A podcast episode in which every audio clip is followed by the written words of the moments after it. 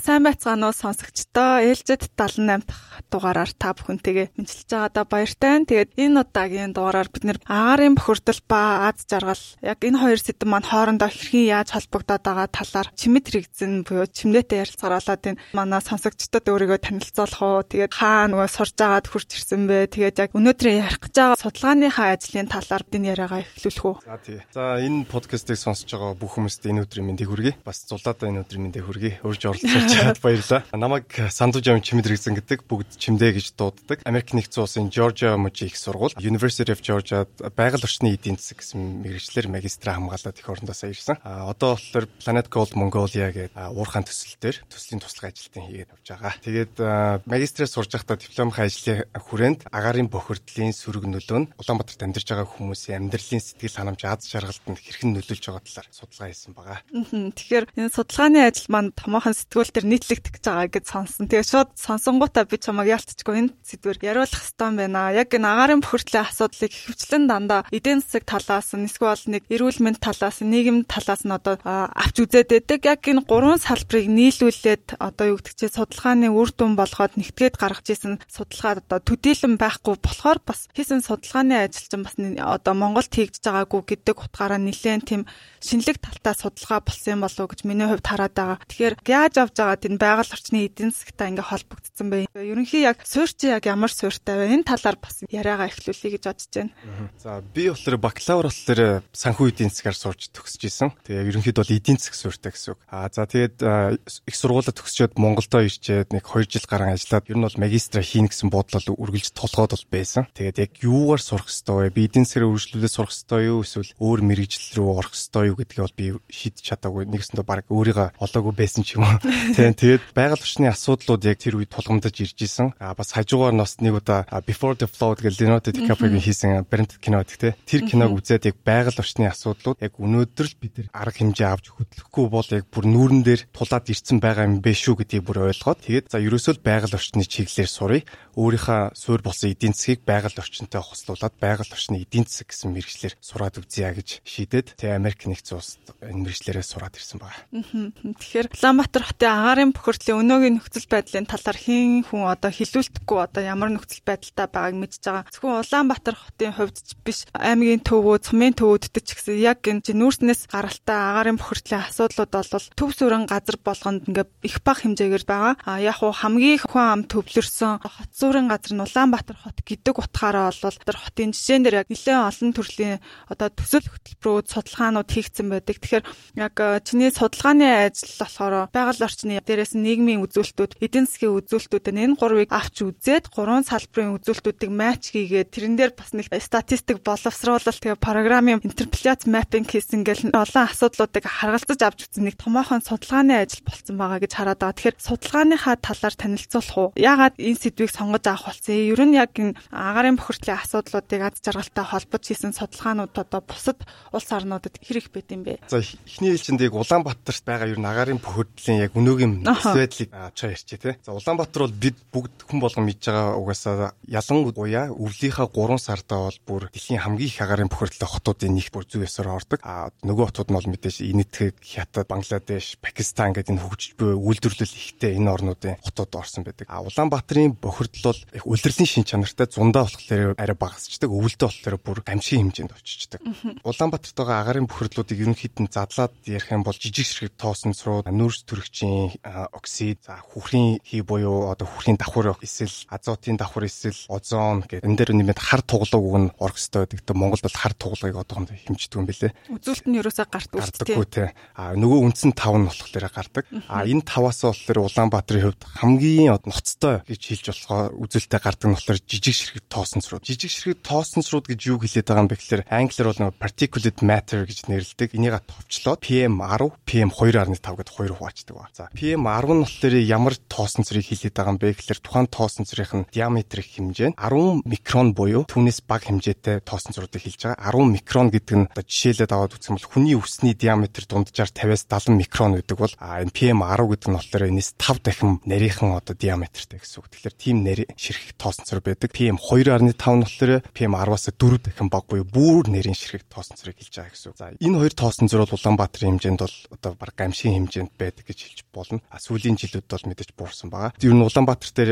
агарын бохирдолтой холбогдлолтой бүх ерөнхийдөө энэ жижиг ширхэг тоосон цэрүүдийг дандаа авч үзсэн байдаг. Жижиг ширхэг тоосон цэрээр агарын бохирдлыг төлөөлүүлсэн байдаг. Манай судалгаач гэсэн бас тэгсэн байгаа. Одоо юу гэдэг чинь Улаанбаатар хот маань зөвхөн өвлийн үйлрэлт биш одоо жилийн дөрөв үйлрэлт хүртэл тоосон цар их зун болоод автомашины утаа дээрээс нь барилгын үйл ажиллагаанаас тоосон цар хэмжээгээр гарч ирдэг. Нөгөө талаас ойн хэрийн төмрүүд ингээл гараад ирэх юм бол Улаанбаатар хот бас тэр чигээрээ утаатай болцдог гэл. Ер нь бол жилийн дөрөв үйлрэл бас энэ асуудал маань их бага хэмжээгээр байгаад байдаг. Одоо хүний нүдэнд үл үзэгдэх одоо жижиг тоосон цар гэж бас нэг талаасаа нэрлээд байгаа шүү дээ. Тэгэхээр агарын бохирдол ихтэй үед агарын бохирдлын өртөлтөөс өөрийгөө хамгаалахын тулд маск бол ялцчгүй зүүх ёстой. Тэгээд миний хувьд гэх юм бол яг агарын бохирдол ихтэй үед хүмүүсийг маск зүгээрээ өртөлтөөс өөрийгөө хамгаалаарай гэж бас нэлээд ярьжсэн хүнийхээ хувьд л ковидын ситүэйшн гарч ирээд хүн болгон маск зүүдэг болоод ирэнгүүт бас ингээ баярлж байгаа байхгүй. Өмнө нь болохоор зүгээр л маск зүүсэн хүмүүсийг харахаар яга маск зүүсэн бол хүчтэн болов яасан бол гэж хардаг байсан бол одоо бараг эсэргээрээ маск зүгээгүй хүмүүсийг харахаараа ингээд яга маск зөөхгүй байгаа юм бол яасан бол гэдэг ч юм уу. Нэг тиймэрхүү дүү байдлаар бас хүмүүсийн сэтгэхүй сэтгэлгээ бас ингээ өөрчлөгдөд явчлаа л да. Манай сонсогчдод хэрвээ санаж байгаа бол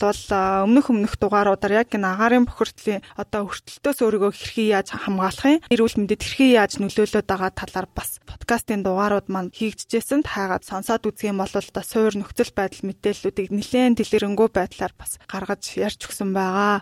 Аа тэгээд одоо яг аз жаргалын индексээр яг Монгол улс одоо дэлхийн яг хаана явж байгаа юм бэ? Энэ сэдвлүүгээ орохын тулд бас аз жаргалын индекс гэсэн сэдвийг хүрээлөө хоёулаа орох уу. За тий. Аа за аз жаргалын индексээр бол Монгол улс ерөнхийдөө дэлхийд бол яг дундчл явж байгаа. Мэдээж бол хамгийн дээгүүр бол одоо Скандинавийн орнууд, Швейцар, Австри, Шинэ Зеланд, Айсланд гээд Европын улсууд хөвчлээ дээгүүр орж байгаа. А доогуур болохоор одоо орлого багтаа ядуурлахтай орнууд болох Афганистан, Африкийн орнууд, Өмнөд Судан, Рванда, Зимбабwe, Ботсвана гэх мэт орнууд өөр ордог байгаа. За Монгол улсын хувьд хэм бол нэг 150 гаруй орноос судалгаа авснаас нэг 80 дугаар байр орчим байгаа. Тэгээд ерөнхийдөө бол дундаж лад жаргалтай гэж харж болохоор одоо тооноос харахад бол тийм. Тэгээд энэ анд жаргалын индексийг болохоор нөгөө нэгдсэн үндэсний байгууллагын World Happiness Report гэдэг тайлангаас жил болгон судалгаа гаргаж гаргадаг. Тэгээд энэ яг ад жаргалын индексийн яг гол суурь үзүүлэлт нь бол хүний амьдралдаа сэтгэл ханамжтай байгаа байдал гол суурь нь болж өгдөг. Яг энэ сэтгэл ханамжтай байгаа байдлыг яаж тодорхойлд юм бэ гэхээр судалгаанд оролцож байгаа хүмүүсээс асуулт асуудаг. Та амьдралдаа хэрэг сэтгэл ханамжтай байна байна вэ? Тгээс 10-ын хооронд үнэл гэх юм бол одоо 9 гэх юм бол амьдралдаа нэлээд сэтгэл ханамжтай хүн байна. 3 гэх юм бол нэлээд сэтгэл ханамжгүй хүн байж таахан тий. За тэгээ энэ дээрээ үндэслээд бусад одоо аз жаргалд нөлөөлдөг хүчин зүйлсүүдийг бүгднийг хамруулад бүгднийг хооронд нь уялдуулж энэ аз жаргалын индексийг гаргадаг байгаа. Тэгээ бусад одоо индикаторуудыг нэрлэх юм бол мэдээж орлогын дундаж түвшин, үзэл бодлоо чөлөөтэй илэрхийлэх, эрх чөлөө, хээл ахуултал, дундаж наслал, нийгмийн дэмжлэг гэх мэт одоо иймэрхүү үзүүлэлтүүдийг харгалзаж үзээд тэгээд аз жаргалын индексийг гаргадаг байгаа. А манай судалгааны хувьд гэх юм бол хүний амьдралын сэтгэл ханамжаар аз жаргалыг төлөөлүүлсэн. Учир нь гэвэл economics of happiness буюу одоо аз жаргалын эдийн засаг гэсэн одоо энэ салбар байгаа. Энэ салбар өөрөө аз жаргал, амьдралын сэтгэл ханамж эсвэл хувь хүний сайн сайхан байдал гэсэн гурван ойлголтыг ерөнхийд нь хооронд нь тэнцвүүлж авч үздэг гэсэн үг. Хооронд нь нэг ойлголт гэж авч үздэг яг энэ судалгааны төрөлд. А гэлээг тэгээд аз жаргал, амьдралын сэтгэл ханамж хоёр гэдэг бол яг нэг ойлголт бол биш. Зөвхөн энэ судалгааны хүрээнд бол ингэж төлөөлүүлж авч үздэг байгаа гэж ойлгож байна. Тэгэхээр чиний хэлсэн саяны тэр олон үзүүлэлтүүдийг нийлүүлээд одоо аз жаргалтай байдлыг тоон утгаар нь индекс болгоод улс орнуудыг чагсаадаг тайлан репортууд гардаг гэд сая хэлчлээ. Тэгэхээр яг энэ тайланд болохоор ихэвчлэн бас нөгөө амьдрах орчны үзүүлэлтүүдийг бас нэлээд чухалчилж авч үздэг. Орчны эрүүл ахуй ямар байгаа вэ? Ямар одоо хотод амьдарч байгаа вэ? А тэгээд дээрэс нь орлого болоод энэ нийгмийн зарим нэг одоо үзүүлэлтүүдийг авч үзээд тэгээд нэгдсэн нэг тийм индекс байдлаар улс орнуудыг чагсаад юм байна. Тэгээ яг Монголтой ойролцоо одоо явж байгаа улс орнуудыг эндээс ингээ харах юм бол Грек Чех, Боливия, Праг, Беларусь зэрэг улсууд бол ойролцоо төвшөнд явж байгаа юм байна. Гэтэ ямар ч хэлсэн бидний бас нөгөө нэг илүү аз жаргалтай ингээ амьдрахад энэ агарын бохирдлын асуудал ч гэсэн ялцчгүй хамааралтай юм байна гэсэн сэдвийг ингээ хөндөд ярьж байгаа. Болохоор хоёулаа одоо чиний судалгааны ажил руу бас орё гэж бодож байна. Агарын бохирдол ба аз жаргал яг ямар ямар үндсэн үзүүлэлтүүдийг авч үзээд ямар ямар судалгааны ажлыг үр дүн гаргацсан байгаа юм бэ? Энэ талаараа бас дэлгэрүүлж ярьж өгөөч. За тэгээ. Юнит рүүнд ер нь бол Улаанбаатарт бол агарын бохор хөв хүний эрүүл мэндэд үзүүлж байгаа нөлөөний талаар судалгаанууд бол нэлээд хийгдсэн байдаг. Одоо жишээлх юм бол 2013 онд хийгдсэн судалгаагаар бол Улаанбаатарт нийт нас барсан хүмүүсийн 10% нь ямар нэгэн байдлаар шууд болон шууд бус замаар агарын бохирдолтой хамааралтай байдаг бол 2011 онд Дэлхийн банкнаас хийсэн судалгаагаар авч үзэхэд агарын бохирдол нь 10 микрограммаар ихсэх үед зүрх судасны өвчлөл 0.25 хувиар одоо ихсдэг. Хүний яг physical health эрүүл мэндэд үзүүлж байгаа хорт нөлөөг бол судалсан судалгаанууд байгаа. А гэхдээ яг агарын бохирдол нь тухайн хүний одоо сэтгцийн эрүүл мэнд ч юм уу эсвэл аз жаргал юм уу эсвэл амьдралын сэтгэл ханамж ч юм уу те яг тэрэнд нь хэрхэн сөргөөр нөлөөлж байгааг бол судалсан судалгаа бол Улаанбаатарт байгааг байсан. Тэгээд энийг багштайгаа ярьж хагаад ерөнхийдөө бол би яг энэ агарын бохирдлын талаар судалгаа хийгээд бодож исэн байсан. Тэгээд а гэхдээ бас мэдээж нөгөө талаасаас нөгөө удирж байгаа багшийнхаа ямар чиглэлээр илүү туршлагатай вэ гэдгээ харж иж бас сэдвээ сонгох шаардлагатай болсон л доо. Тэгээд агарын бохирдолтой ер нь юуг манай багш өмнө холбож хийж исэн бэ гэдэг өмнөх судалгаануудыг нь хараад байсан чинь манай багш болохоор агарын бохирдол Европ дахь иргэдийн аз жаргалд нь хэрхэн нөлөөлж байгааг судалсан. Тэнгүүт нь л окей би өгөөсөө энэ талаар хийх ёстой юм. Яг л манай багш минь энэ талаар туршлагатай байна. А энэ миний яг хийх гээд байгаа чиглэлтэй яг нийцж чинь гэж бодоод энэ талаар хийгээ шийдсэн. Гэхдээ мэдээж судалгаа хийхин тулд хамгийн түрүүнд дата хэрэгтэй тийм. Суур мэдээллүүд асуудлууд нэлээд ирдэг шүү дээ. Манай дээр яг мэдээл хэр хангалттай байх вэ гэдэг асуудлаас хүртэл энэ судалгаа маань яригадаад эхлэх нь шүү дээ. Тэгээ Европын улсуудад хийсэн гэхээр яг аль аль улсуудад яг энэ ижил төсөөтэй судалгааны ажлыг хийжсэн юм бол сонирхол. За яг агарын бохирдол хүний аз жаргалд хэрхэн нөлөөлж байгааг судалсан нь бол Америк, Англи, Австрал, Ирланд, Хятад, за Европын дандаа хөгжсөн орнууд хөгжсөн орнуудад бол ерөнхийдөө хийгдсэн байгаа. А бас миний түрүүний хэлсэнчил аз жаргалын эдийн засгийн салбар байгаа шүү дээ. Энэ энэ салбар нь өөрөө болохоор хүний аз жаргал бусад хүчин зүйлсүүд хэрхэн нөлөөлж байгааг ерөөсө тодорхойлж байгаа салбар байхгүй. А тэгээ энэ салбарынхаа хүрээнд болохоор хүүхний аз жаргал, амьдралын сэтгэл ханамжид одоо бусад үзүүлэлтүүд болох одоо цаг агаар ч юм уу те эсвэл амьдарч байгаа орчин амьдарч байгаа орчин эсвэл одоо байгалийн гамшиг терроризм ажилгүйдэл эсвэл одоо юу гэдэг онгоцны буудлын дэргэд амьдардаг хүмүүст онгоцны бууд буудлын шуугиан хүртэл аз жаргалд нь хэрхэн нөлөөлж байгааг хүртэл судалсан судалгаанууд бол байдаг. Тэгээд э, түрүүн хэлсэнчлэн нэг яг энэ талаар дата байна уу гэд судлаад үзсэн. Монголд аз жаргалын талаар асуулт асуусан ч юм уу эсвэл нагарын бохирдлын датанууд нь яг хоорондоо тохироод бэлэн байна уу гэд судлаад үзсэн чинь IRIM гэж судалгааны байгууллага байдаг. IRIM судалгааны байгууллагын 2016 2016-аас 2018 оны хооронд хийсэн нийгмийн сайн сайхан байдал гэсэн нэртэй юм судалгаа байдаг. А энэ судалгаан дотор нь яг одоо надад хэрэгтэй байсан та амьдралдаа хэрэг сэтгэл ханамжтай байна вэ гэсэн асуултыг асуусан байсан. Ерөөсөө яг миний яг судалгаанд хамгийн хэрэгтэй байсан асуулт байхгүй. За тэгээд энэ асуулт байлаа. Окей. За тэгвэл энэ талынхын дата нь байна. А нөгөө талаас агарын бохирдлын датанууд нь байна уу гэд судлаад үзсэн чинь OpenAQ гэдэг нөгөө платформ байдаг. Тэр платформ дээр яг агарын бохирдлын датануудыг тавьсан байсан. Тэгээд нэлээд big датанууд тэнд шүү дээ. Тэгээ боловсруулалт хийх гэж бас нэлээд болсон байна. Боловсруулалт хийх гэж нэлээд болсон. Найзаасаа тусалцаа гуйсан. Нэлээд болсон энэ судалгаа хийх гэж. Тэгэл ерөөсөө бүх датанууд нь бэлэн болоод за за би яг энэ талаар судалгаа хийх хэрэгтэй юм байна гэхэл багшаасаа заавар зөвлөгөө аваад хийгээд гисэн.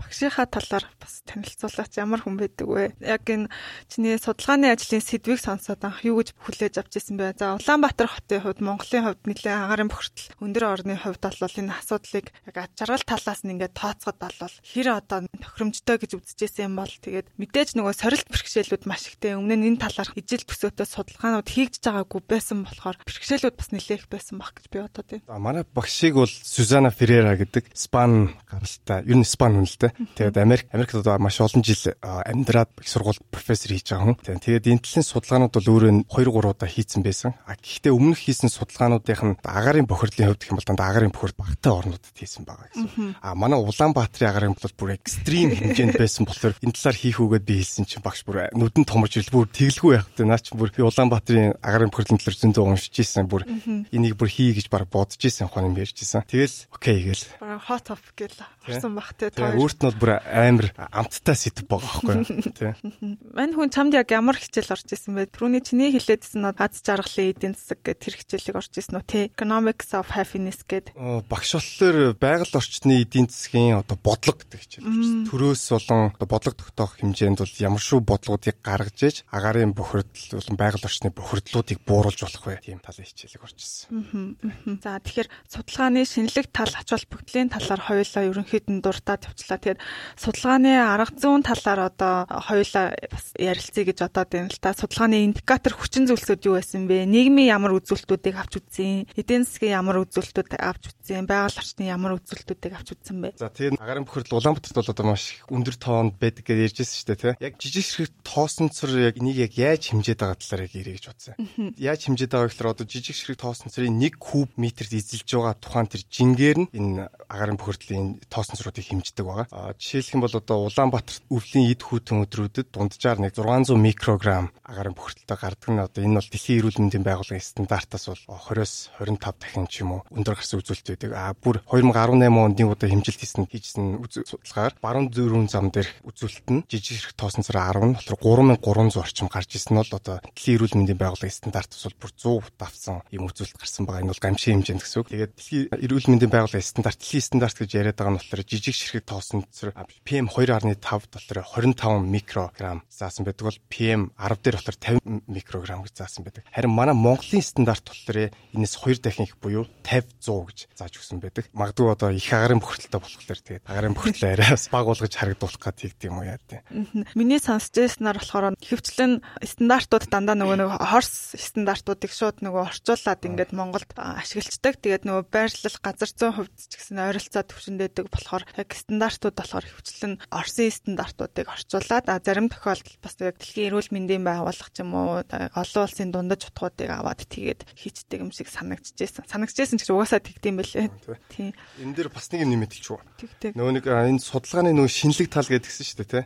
Тэрэн дээр болохоор мэдээж яг аз жаргалд хэрхэн нөлөөлж байгааг бол тодорхойлж байгаа. Нөгөө талаас яг энэ сөргөөр нөлөөлж байгаа тэр үзүүлэлтийг тэрийг яг мөнгөн хэмжээгээр илэрхийлэх гэх юм бол яг одоо хүмүүс хүмүүсийн сэтгэл санаа аз жаргалд нь хідэн төрний хохирол учруулад байгаа юм бэ гэсэн тэр мөнгөн тоог нь бас гаргаж ирсэн байгаа. Гэхдээ энэ бол мэдээж онлын хувьд гаргаж ирсэн байгаа. Яг шууд одоо яг бодит байдал дээр ийм их хэмжээний хохирлыг учруулад байна гэсэн үг биш. Яг цэвэр эдийн засгийн одоо судалгааны үднэс дундаж үзүүлэлтээр нь гэсэн үг. Дундаж үзүүлэлтээр тий. Бүх одоо ард иргэдэд дунджлаад гаргасан юм тоогоо. Тэгэхээр яг энэ гаргаж ирсэн эдийн засгийн мөнгөн дүн нь болохоор дараа дараа дараагийн хийгдэх байгаль орчны одоо төсөл хөтөлбөрүүд ч юм уу бодлого дээр ашиглаж болно. Яаж ашиглаж болох вэ гэхээр зардал болон үр ашигын тооцоол хийхэд тухайн одоо бодлого нь агарын бохирдлыг тодорхой хэмжээгээр бууруулах юм бол тэр бууруулж байгаа хэмжээнийх нь үр ашиг нь ганцхан биеийн эрүүл мэндээс гадна аз жаргал амьдралын сэтгэл ханамжт нь хэрхэн эргээр нөлөөлж байгаа тэр үр дүнгийн нэмэхлээр одоо илүү үр дүнтэй тийм тооцоолууд гарч боломжтой болдог. Одоо жишээ нөгөө нэг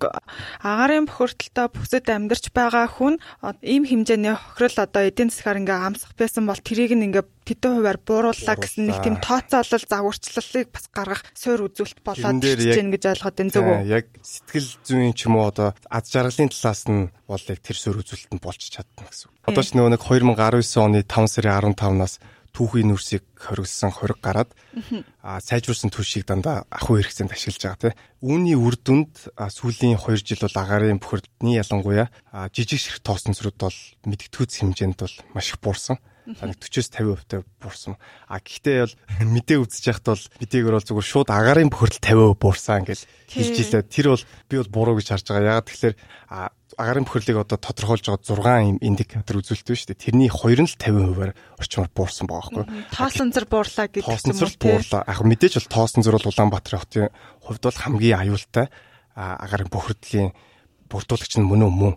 Гэхдээ нөгөө талаасаа энэ одоо та хэд анзаарсан бол сүүлийн дөвүүл яг тэг жоохон эвгүй үнэр үнэртэй байгаа шүү дээ. Яг амир агарын үед. Тэгэхээр тэр юу хэлж байна гэхээр хүхрийн хийм бохирдол ихсэн байна гэсэн үг шүү дээ. Сайжруулсан түлш маань жижиг ширхэг тоосон зэрэг баг ялгаруулж байгаа ч гэсэн нөгөө талаас хүхрийн хийг их ялгаруулад байна удаа л гэж би хараад байгаа.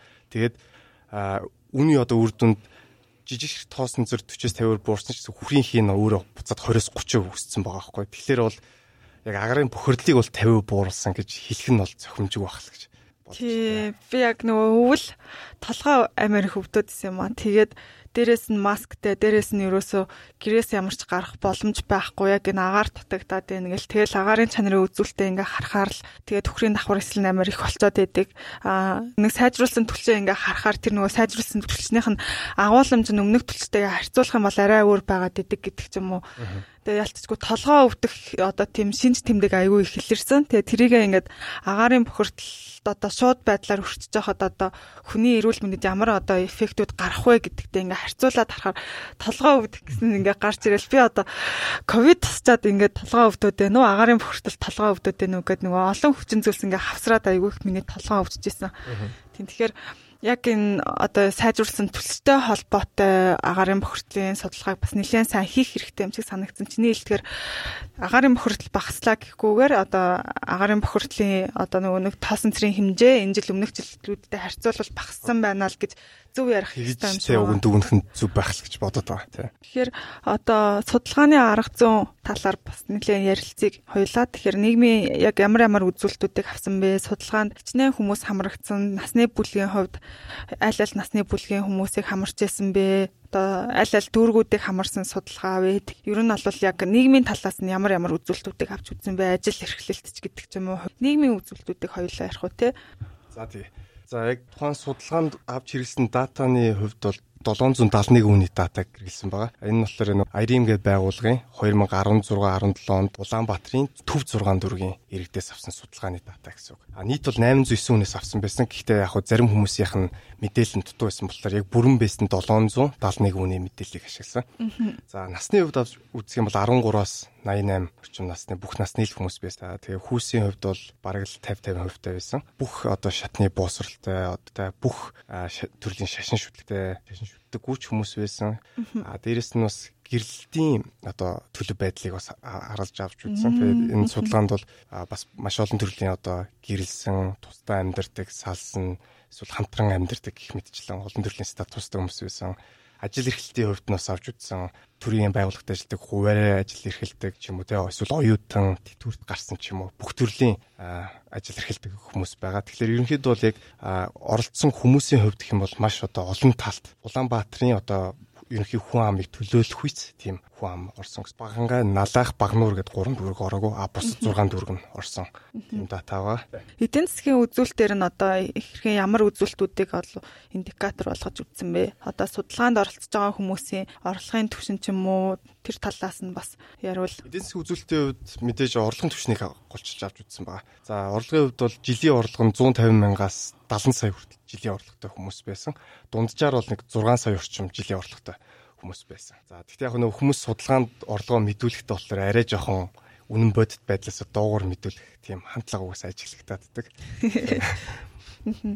Байгаль орчны үзүүлэлтээр нь одоо айл үзүүлэлтийг авсан. За мэдээч хэрэг агарын чанарын мэдээг авч үзэн агарын чанарын одоо нөө станцын байршлуудын мэдээлэл за дээрэс нь одоо цаг агарын мэдээлэл бас орж ирж байгаа бах тий.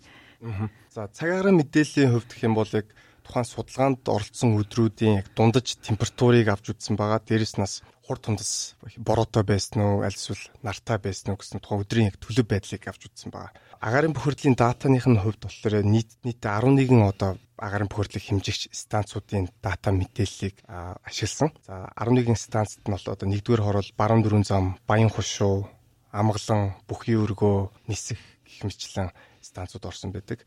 Тэгээд энэ 11-ийг бол харгалзаж авч үзсэн байгаа. Тэгээд яг агарын бохирдлын тархцыг нь тодорхойлохдоо болохоор нөө GIS гэдэг програм байдаг шүү дээ. Тэрэн дээр яг станцуудын байршлаар нь тавьж агаад станцууд дээр ирсэн мэдээллүүдийг нөө интерполяц буюу одоо монголоор интерполяцийг юу гэх вэ? Түгэлт. Одоо агарын бохирдлын хэмжээ одоо их эхээс нь ахвала баг хүртэл нь түгэлт хийсэн гэх юм уу?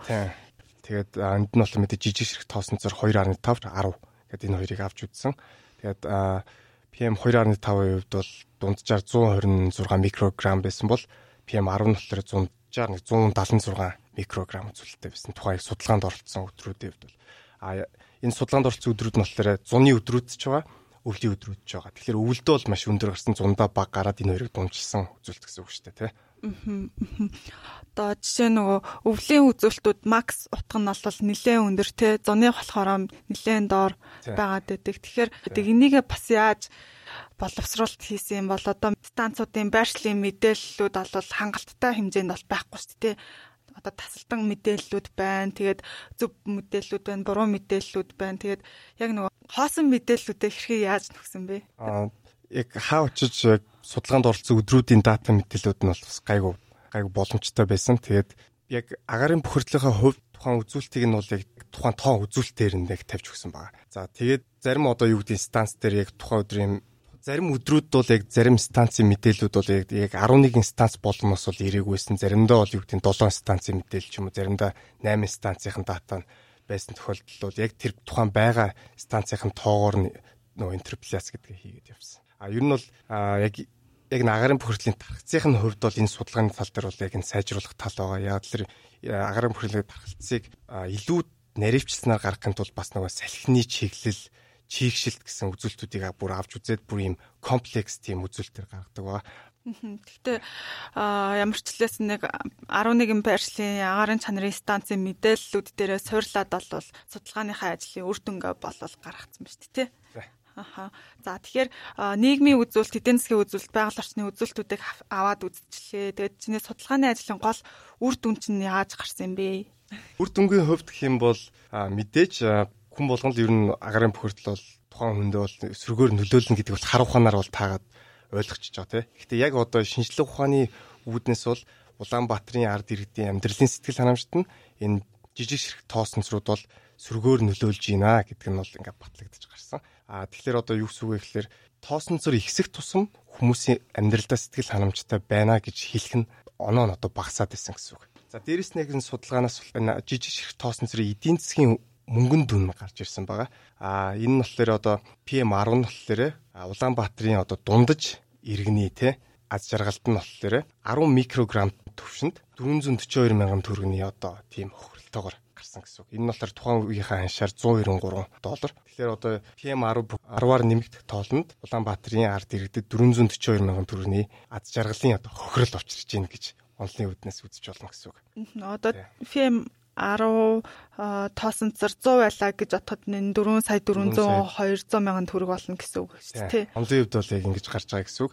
А мэдээж бол яг бодит байдал дээр бол яг 442 мянга төгрөг яг гарцтаад байгаа юм бол байхгүй. Гэхдээ яг энийг одоо судалгааны үүднээс харахад бол ингэ одоо ийм хохиролтой. Тэгэхээр агарын бохирдол гэдэг зүйл маань бол бидний амьдралын сэтгэл ханамжт бол маш сөргөөр нөлөөлж байгаа нь бол ингээд бүр тоон дүнгээр онлын үүднээс гараад ирж байна гэсэн. Эдийн засгийн хохирлыг хүртэл бас бий болгоод байна гэж ойлгож болох нь шүү дээ. Яг үнэ. Судалгааны үр дүнгээс.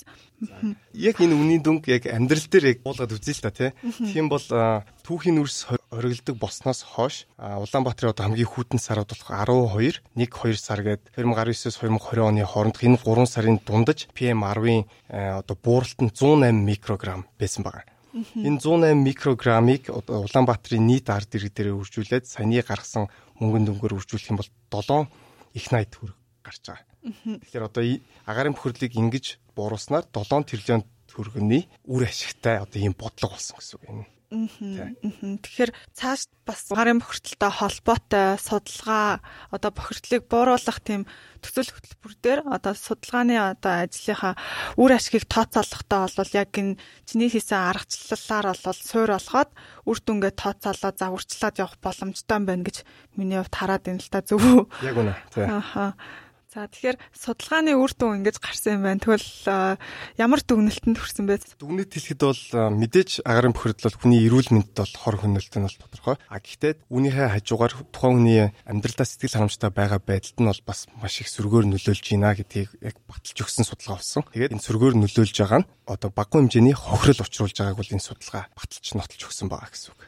Тэгээ судалгааны ажил чинь бас нэлээд шинэлэг байсан болохоор дээрэс нь өмнө нь илүү хөгжсөн орнуудын энэ жишээн дээр энэ судалгаа хийгддэг байсан. За хөгжиж байгаа Монгол шиг одоо агарын бохирдол ихтэй оронд хийгдэж байгаагүй шинэлэг судалгаа болсон гэж хараад байгаа. Тэгэхээр судалгаа чинь бас Ecological Economics Journal дээр одоо хэвлэгдэхэр болж байгаа гэсэн энэ талаарх бас мэдээлэлээ хуваалцаач. Тэгээд яг яаж авч байгаад бас энэ сэтгүүлтэй холбогдсон бэ? Тэгээд аа тий. Яа ер нь бол яг дипломо хамгаалаад яг судалгааны ажил маань ерөнхийдөө болцсон байсан. Тэгээд манай багш надтай ярилцаад энийг бүр өвшөө яг бүр paper яг science paper болгоё. Шинжлэх ухааны судалгааны ажил бүр яг болгоё гэж. Тэгээд энэ академик сэтгүүлүүдэд ингээд нийтлэгдэхээр хэтлээ хүсэлтэд гаргая гэж хэлсэн. Тэгээд яг тухайн сэтгүүлүүд дотроос яг ecological economics гэдэг сэтгүүлийн одоо яг хамар хүрээтэй яг тухайн сэдэв маань илүү тохирж исэн учраас ecological economics-ийг сонгоод багштайгаа дахиад нэлээд хэдэн сар энэ судалгааны ажил дээр сууж сайжруулж агаад хүсэлтэд гаргасан байгаа. Батлах процесс нь бол ерөөсөө 2 3 тийм review буюу одоо дүгнэх процесс гэхүү те. Бараг шинээр дахиж нэг судалгаагаа хамгаалах нэг тийм хэрэгцээ гарч ирсэн баг. Бараг яг тийм болсон. Тэгэл 2 3 review процессыг нь давж гарч ирээл яг сая саяхны хэдхэн хоногийн өмнө яг эцсийн байдлаар яг ингээд хэвлэгдэх нь тодорхой боллоо. Одоо яг 9 сарын эдишнд нь нийтлэгдэнэ гэж хэлсэн. А харин Science Direct гэдэг open platform байдаг. Тэрэн дээр бол яг ихний 50 хоног нь үнгүүгээр яг PDF-ийн хөлбраар нийтлэгдсэн байгаа гэж хэлсэн. За за за за. Нилээн том судалгааны ажлыг ганцаараа ингээд зүтгэж байгаа зүтгүүлээд хийцэн байгааг чинь ингээд харахаар гой санагдчихэ. Тэгээ миний хувьд ч гэсэн яг агаарын бохирдлын асуудлыг зөвхөн байгаль орчны үзүүлэлтээр нь л аваад тэгээ зөвхөн нөгөө mapping төвшөнд зураглал байдлаар гаргаж исэн болохоор яг эдийн засаг нийгэм талаас нь судалгааныхаа ажлыг бас авч үзэж амжаагүй. Тэгээ тухайн үедээ энэ чиглэлээр хийжсэн судалгааны ажил байхгүй болохоор яалтчгүй энэ хайлайт хийж одоо ярих хэвээр сэдвүүдийн нэг байна гэж үзээд өөрөг чинь энэ удаагийн дугаараар ингээ оруулж байгаамаа. Тэгэхээр ямар ч хэлсэн баяр хүргэе. Яа. Бараг тэмдэглэмээр үйл явдал гэж миний хувьд бол хараад байна л та. Одоо цаашдаа тэгвэл чимдээ одоо энэ судалгааныхаа ажлаа илүү яаж нөгөө сайжруулах тийм төлөвлөгөөтэй байгаа вэ? Энэ талаараа бас сонирхуулаач. Одоо агарын бохирдлын чиглэлээр маш олон төрлийн одоо нөгөө төсөл хөтөлбөрүүд хэрэгжиж штэ. Одоо UN-ийн төвшөнд байна, та засгийн газрын төвшөнд байна. Одоо эрүүл мэнд, нийгэм, эдийн засаг олон салбарт яг энэ асуудлыг авч үзээд байдаг яг цаашд яг энэ хийцэн судалгааны ажлаа илүү яаж сайжруулах чиглэлтэй байгаа вэ? Мэдээж бүх ямар ч судалгааны ажлыг төгс байхгүй те бүгд л сайжрах боломжтой байдаг. Аа тэгээд манай судалгааны ажлын хувьд гэвэл яг сайжруулах боломжтой талууд нь мэдээж агарын бохирдлын тэр тархацыг бол маш их сайжруулах хэрэгтэй. А нөгөө талаас бас яг судалгаа авсан хүмүүсээс өмнө авсан хүмүүсээс яг дахин судалгаа аваад яг өмнө асууж исэн асуултуудаа дахиж асуугаад тэгж давтан судалгаа авч энэ судалгааны одоо үр дүнг бол одоо маш их сайн сайжруулах боломжтой гэж харж байгаа. А бас түрүүн хэлсэнчлэн сүүлийн үед хүхрийн давхар эсэл эслийн одоо бохирдол маш их ихсэж байгаа. А тэгэхээр бол ерөнхийдөө хүхрийн давхар эсэл энэ үнэр нь Улаанбаатарын ард иргэдийн амьдралын сэтгэл ханамжид нь хэрхэн нөлөөлж байгааг бол судалмаар айгүй сонирхолтой санагдж байгаа энэ сэдв бол тэгээд ямар нэгэн хамтарч ажиллах хүмүүс гарч ирэх юм бол би бол энэ тал дээр бол өөрийнхөө зүгээс хамтран ажиллахад бэлэн байна. Энэ дээр ногоон титэм гэдэг яг энэ дотоод орчны агаарын бохирдлоор судалгаа хийдэг химийн лаборатори эдийн. Тэд нэр болохоор нэг Улаанбаатар хотын цэвэрлэг байгууламжаас гарч байгаа бохирын тэр үнэрийн тархалтын судалгаа хийжсэн. Тийм тэгэхээр бас ялтчгүй одоо энэ сайжруулсан түлштэй холбоотойгоор хөхрийн давхар эслийн энэ үнэр одоо агуулмж нэмэгдээд байгаа болохоор энэ чиглэлээр бас тэднийхтэй холбогдоод судалгаа хийвэл бас илүү бас сонирхолтой судалгаа хийгдэж таарах байх гэж хараад байна. А дээрээс нь судалгаа хийхэд бас нэлээд их хэмжээний дата олох, боловсруулах хийх гэж зардлын асуудал маш их яригддаг. Тэгэхээр яг энэ чиглэлээр бас судалгаа хийхээр зорж байгаа. Тэгээд хүмүүс байх юм бол бас энэ чимдээтэй холбогдоорой. Одоо мэрэгжлийн одоо хичээлийг нь үзээд яг энэ чиглэлээрээ судалгаа хийгээд үр дүн гаргацсан. Нэлээд сайн тийм салбарын шинэ боловсон хүчим гарч ирж байна гэж хараад байна. Яана. За за. За за за тэгээ подкаст урьж оролцуулсан. Зулаадаа маш их баярлалаа. Цаашдын ажилд амжилт хүсье. За баярлалаа. Тэгээд чиний бас цаашдын судалгааны ажил болоод яг ажил амьдрал бүх зүйлд амжилт хүсье. За маш их баярлалаа. За баяр та.